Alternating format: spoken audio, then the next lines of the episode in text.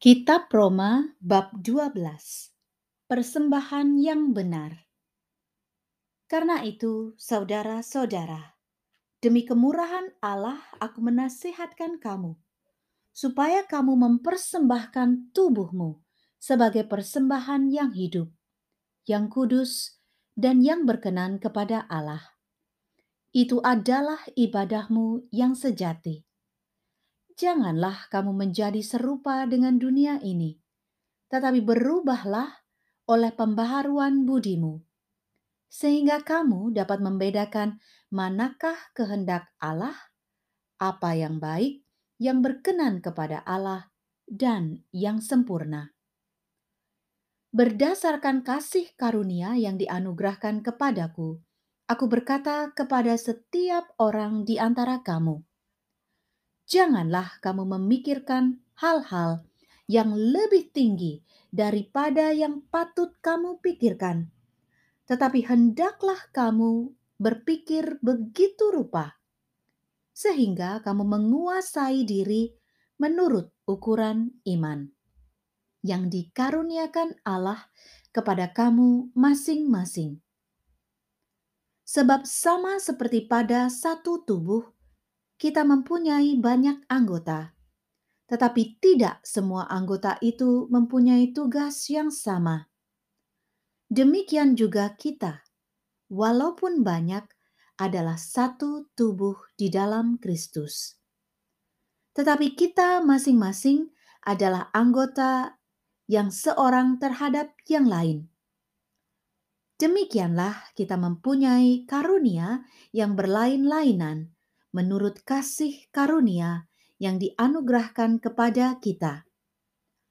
Jika karunia itu adalah untuk bernubuat, baiklah kita melakukannya sesuai dengan iman kita. Jika karunia untuk melayani, baiklah kita melayani. Jika karunia untuk mengajar, baiklah kita mengajar. Jika karunia untuk menasihati, baiklah kita menasihati. Siapa yang membagi-bagikan sesuatu, hendaklah ia melakukannya dengan hati yang ikhlas. Siapa yang memberi pimpinan, hendaklah ia melakukannya dengan rajin. Siapa yang menunjukkan kemurahan, hendaklah ia melakukannya dengan sukacita. Nasihat untuk hidup dalam kasih hendaklah kasih itu jangan pura-pura. Jauhilah yang jahat dan lakukanlah yang baik. Hendaklah kamu saling mengasihi sebagai saudara dan saling mendahului dalam memberi hormat. Janganlah hendaknya kerajinanmu kendor.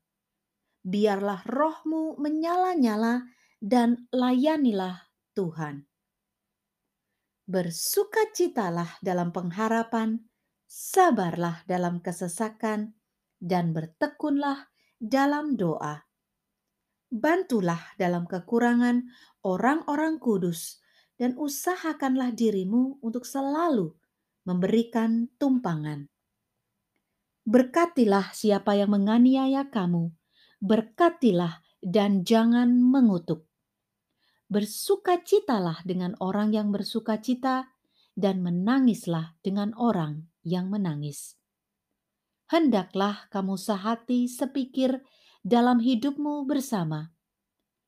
Janganlah kamu memikirkan perkara-perkara yang tinggi, tetapi arahkanlah dirimu kepada perkara-perkara yang sederhana.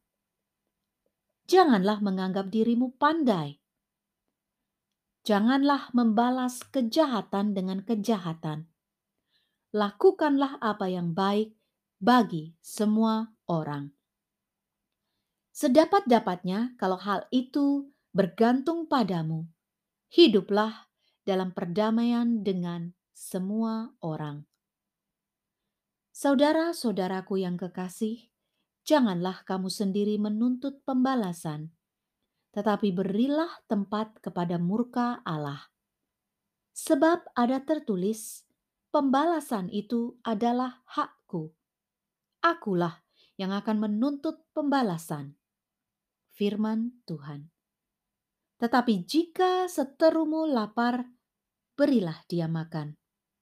Jika ia haus, berilah dia minum. Dengan berbuat demikian, kamu menumpukan bara api di atas kepalanya.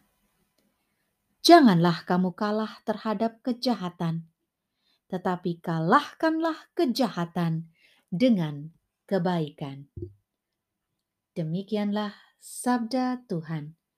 Syukur kepada Allah.